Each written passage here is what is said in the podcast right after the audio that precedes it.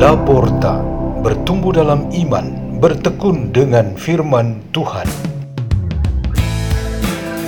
Radio Laporta, pintu terbuka bagimu untuk pertumbuhan pengetahuan dan kebijaksanaan tentang Allah.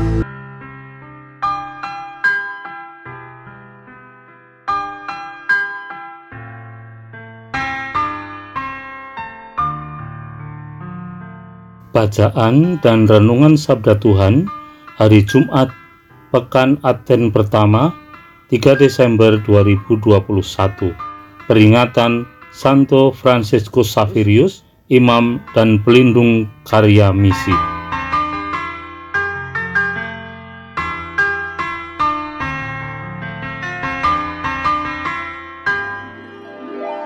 Dibawakan oleh Fikti dan Windu dari Gereja Kristus Raja Paroki Baciro, Keuskupan Agung Semarang.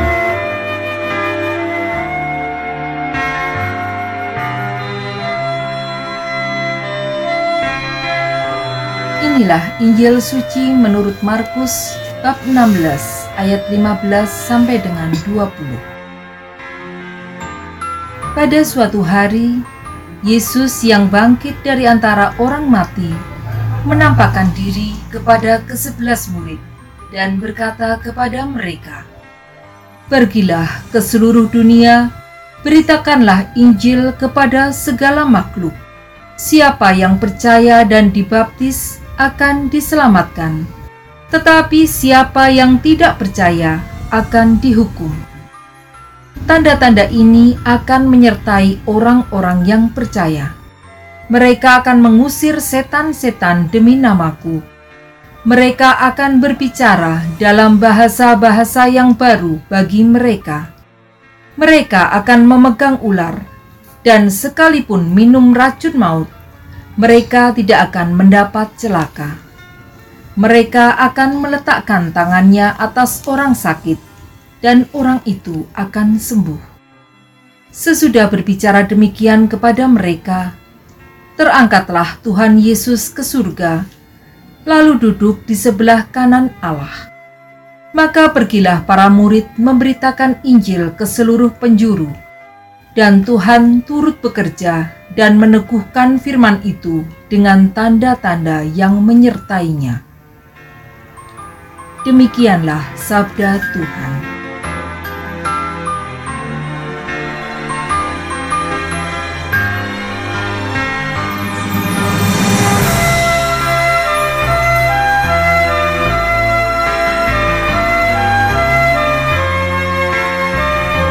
Tema renungan kita pada hari ini ialah celaka kalau tidak memberitakan Injil.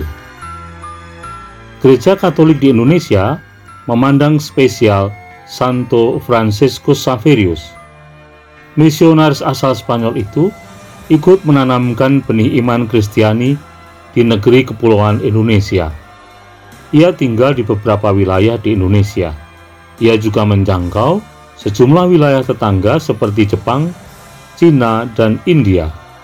Setelah kematiannya di daerah sekitar perbatasan antara Tiongkok dan India, umat Kristen kemudian mengabadikan jasadnya secara utuh sampai sekarang di kota Goa di India Timur Laut. Sebelum datangnya Fransiskus di sejumlah wilayah Asia, Cerita lisan menuturkan bahwa ada sejumlah wilayah di Asia dan juga Indonesia sudah didatangi lebih dahulu oleh beberapa misionaris. Berkat periode yang lebih awal itu, orang-orang Asia tampaknya mengalami suatu advent akan gereja Katolik dan pewartaan Injil.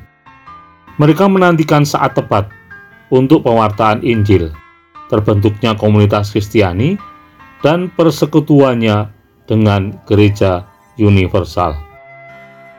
Pada masa penyebaran Injil oleh Fransiskus, dapat kita pandang sebagai sebuah potret gereja universal. Surat-surat yang Fransiskus kirimkan ke pimpinannya, Ignatius Loyola, yang berada di Roma dan Eropa sungguh menggambarkan bagaimana Fransiskus ingin melebarkan pewartaan Injil ke seluruh dunia dan tetap terhubung dengan gereja Katolik yang utuh di bawah kepemimpinan Santo Petrus, yaitu dalam diri Paus yang berkedudukan di Roma. Semangat Fransiskus ini sangat mirip dengan Santo Paulus dalam kisah-kisahnya di Perjanjian Baru. Kalimat ungkapan Paulus yang terkenal, "Celakalah aku kalau tidak memberitakan Injil," dipraktekkan secara sempurna oleh Fransiskus. Orang-orang Asia, khususnya gereja Katolik, sangat mencintai Fransiskus. Bahkan untuk gereja Katolik Indonesia, setiap tanggal kematiannya 3 Desember adalah sebuah pesta dalam liturgi. Ini berarti tempat Fransiskus ada di jantung hati kehidupan iman Gereja Katolik Indonesia.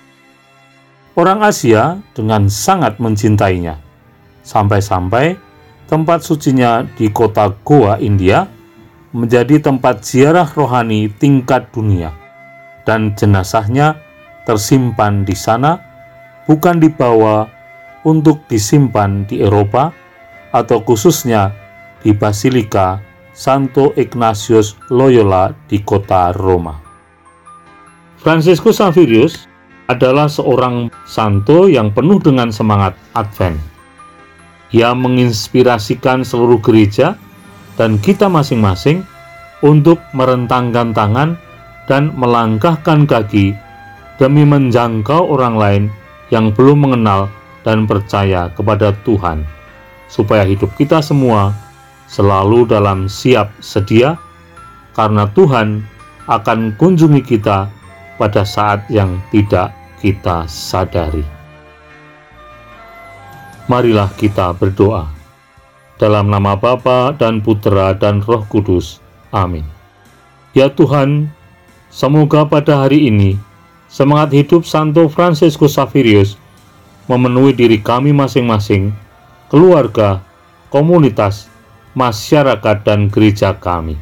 Salam Maria penuh rahmat, Tuhan sertamu, terpujilah engkau di antara wanita, dan terpujilah buah tubuhmu Yesus. Santa Maria Bunda Allah, doakanlah kami yang berdosa ini, sekarang dan waktu kami mati. Amin. Dalam nama Bapa dan Putra dan Roh Kudus. Amin. Radio Laporta, pintu terbuka bagimu.